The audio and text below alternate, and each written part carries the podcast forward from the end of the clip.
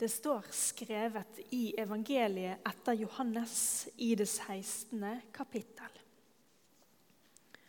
Om en liten stund ser dere meg ikke lenger, men om en liten stund igjen skal dere se meg. Da sa noen av disiplene til hverandre. Hva mener han med å si om en liten stund ser dere meg ikke lenger, men om en liten stund igjen skal dere se meg, og jeg går til far? Hva mener han med 'om en liten stund'? Vi skjønner ikke hva han snakker om. Jesus visste at de ville spørre ham, og han sa, 'Snakker dere om det jeg sa?' Om en liten stund ser dere meg ikke lenger, men om en liten stund igjen skal dere se meg. Sannelig, sannelig, jeg sier dere, dere skal gråte og klage, men verden skal gledes glede. Dere skal sørge, men sorgen skal bli forvandlet til glede. Når en kvinne skal føde, er hun engstelig, for hennes tid, time, er kommet. Men når barnet er født, har hun glemt smertene i sin glede over at et menneske er kommet til verden. Også dere er engstelige nå. Men jeg skal se dere igjen, og hjertet deres skal glede seg, og ingen skal ta gleden fra dere. Slik lyder det hellige evangeliet.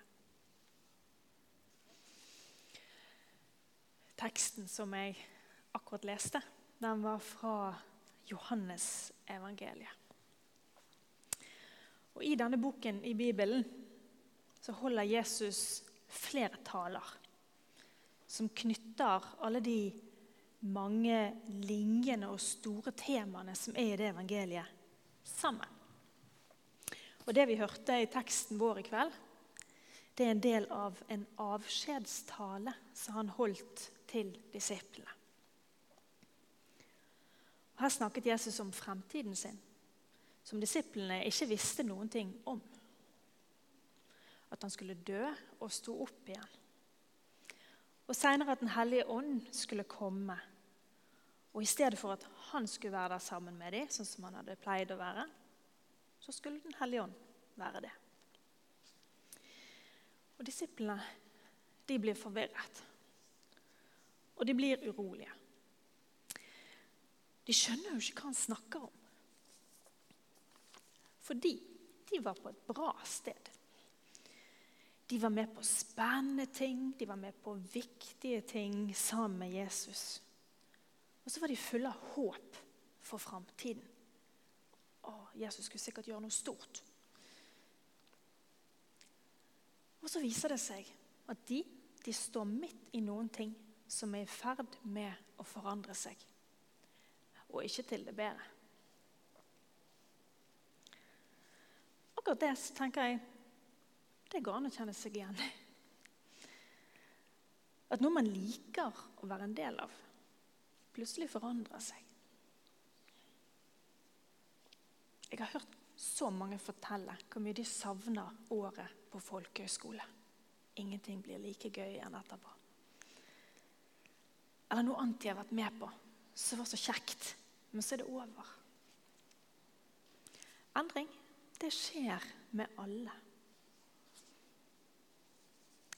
Kanskje fordi man har flyttet. Så får ikke man daglig kontakt med familie og venner lenger. Kanskje man har fått en ny jobb, kanskje man har begynt på et nytt studiested.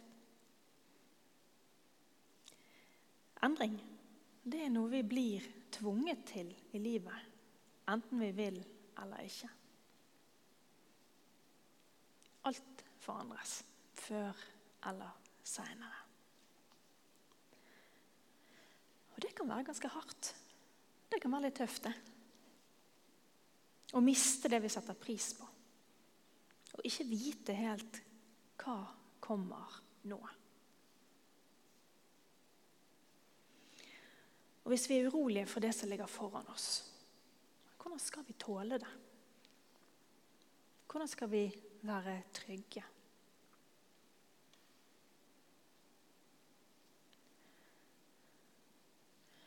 Du må leve i øyeblikket. Du må ta én dag om gangen. Du må gripe dagen. Karpe det igjen. Sant? Dere har hørt det tusen ganger. Det er liksom klisjeen sant, på det vi sier. Det er jo kanskje en klisjé fordi det er sant. For det er jo helt sant at vi har ikke fortiden lenger. Og vi har ikke framtiden heller. Vi har bare akkurat nå. Jeg vet ikke hvordan det er med deg, men eh, jeg tenker at det er veldig lett å bruke tiden sin på å tenke litt for mye på det som har vært. Kanskje gruble, grunne på det. Ja, men 'Skal jeg gjort det annerledes, eller hvis det var sånn eller sånn. Bruke mye tid på det. Eller på det motsatte. sant? Tenke på det som skal komme. Se framover. det er kanskje litt bekymret. Urolig. Planlegger for alle alternativene som kan komme. sant? Og tenker masse på det. Og De fleste av oss vi gjør dette her ganske mye.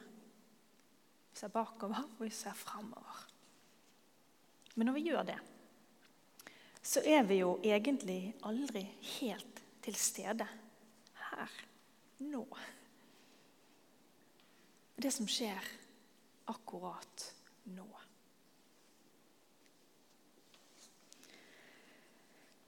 Og når jeg snakker med folk som kjenner at livet er litt for mye akkurat nå Det er overveldende. Så spør jeg ofte hvordan vil det være hvis du forsøkte å gjøre fokuset ditt litt smalere? Litt kortere, litt nærmere? Hvis du er stresset for neste semester, eller for hvordan skal det egentlig i framtiden? Hvis du er stresset for alt som er uoversiktlig langt der framme et sted Forsøk å flytte blikket litt nærmere her og nå. Til denne uken. Hvordan kan denne uken bli en bra uke? Eller enda nærmere i dag. Hvordan kan i dag bli en god dag? For det er mye lettere å ha kontroll og oversikt og kunne gjøre noe fra eller til når vi snakker om i dag.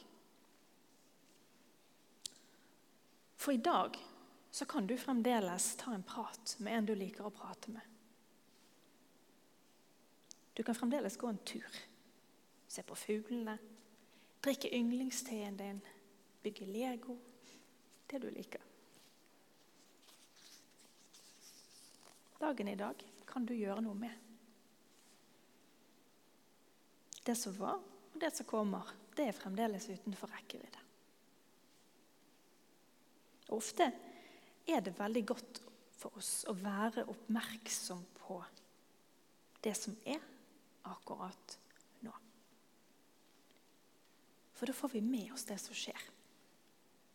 Og alt blir bedre hvis vi gjør det Sånn? Hvis du snakker med noen Det er mye hyggeligere hvis du konsentrerer deg i stedet for at du tenker på hva du selv skal si, eller hva du skal etterpå. Eller hvis du spiser noe. La oss si du spiser et jordbær. da. Det jordbæret smaker mye bedre hvis du spiser det og konsentrerer deg, enn hvis du scroller på telefonen samtidig. Eller hvis du sitter fem minutter i solen det er mye deiligere med fem minutter i solen hvis du ikke gruer deg til eksamen samtidig. Og vi kan få det til, dette med å konsentrere oss i små øyeblikk av og til hvis vi øver. Det kommer ikke naturlig. Men Gud, sant? Gud har gitt oss alt det gode som skjer. Alt som skjer oss, har vi på en måte fått som en gave. Så jeg tenker bare pust. Kjenn etter. Bare vær. Gled deg over alt som er fint. Dette her som jeg sier nå, det er jo helt sånn klassisk selvhjelp som alle er enige om. Dette er kjempelurt. Med andre ord, det er lett å si det, og så er det litt vanskelig å få til. Sånn. Så god psykologi og god teologi det går på en måte hånd i hånd. For noen ganger så er det beste for å mestre uro å fokusere på her og nå. Og ikke fokusere så mye på det som kommer, som vi uansett ikke har kontroll på. Men Det er jo alltid et men. Hvis vi ikke skal være lettvinte.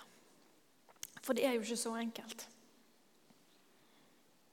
For hva når øyeblikket ikke er noe særlig? Hva når du ikke har det bra? Hva når her og nå faktisk er noe dritt? Hva da?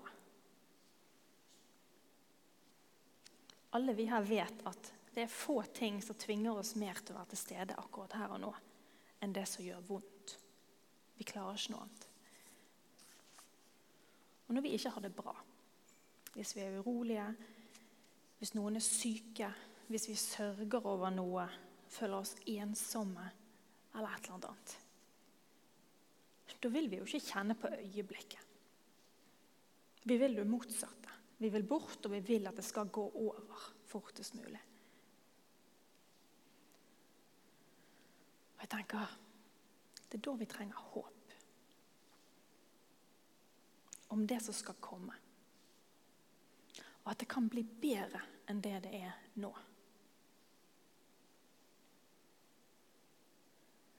Dette visste han noe om, han som skrev teksten vår for i dag. Og Jesus visste òg at det var ikke enkelt. At å leve i øyeblikket ikke nødvendigvis er alt vi trenger. At vi trenger noe mer. Vi trenger noe for de dagene som ikke er enkle. For å tåle det som gjør vondt, og det som er usikkert, så trenger vi noe å håpe på og tro på.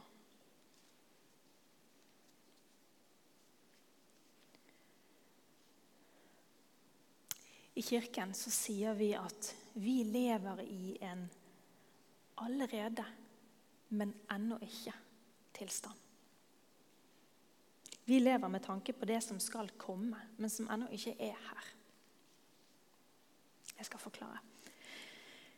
Når Jesus i påsken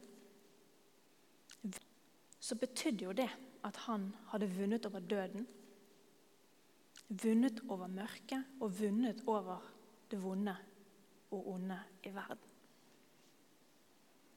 At nattens mørke ikke lenger er mørkt, og at lyset er sluppet inn. For Gud er her sammen med oss. Helt inn i det som er vanskelig.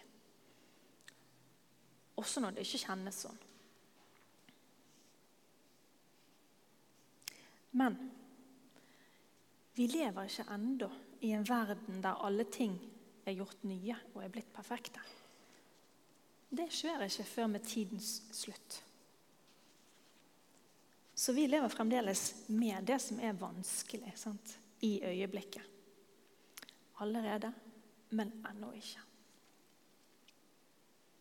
Og som kirke og som mennesker så skal vi jo ikke leve med hodet i fremtiden og bare liksom holde ut livet i påvente av himmelen. Vi skal jo leve nå, og det gjør vi. Men når dagen er vanskelig, så hjelper det med håp. hva vi tror kommer, har på en måte alt å si for hvordan vi har det nå i livet. Og jeg kjenner, når jeg leser sånne tekster som de vi hørte, at det er ganske betryggende at Gud har sagt at alt skal bli bra. Jesus han forvirrer disiplene i teksten de blir jo kjempeurolige når han forteller at ting skal forandres. Men han gjør jo det fordi han snakker sant om livet. Han forbereder dem på at det kommer ikke til å bli noe lett å følge ham. Og det ble det jo ikke. Det vet vi. De ble forfulgt. Det kostet, og det kostet de mye.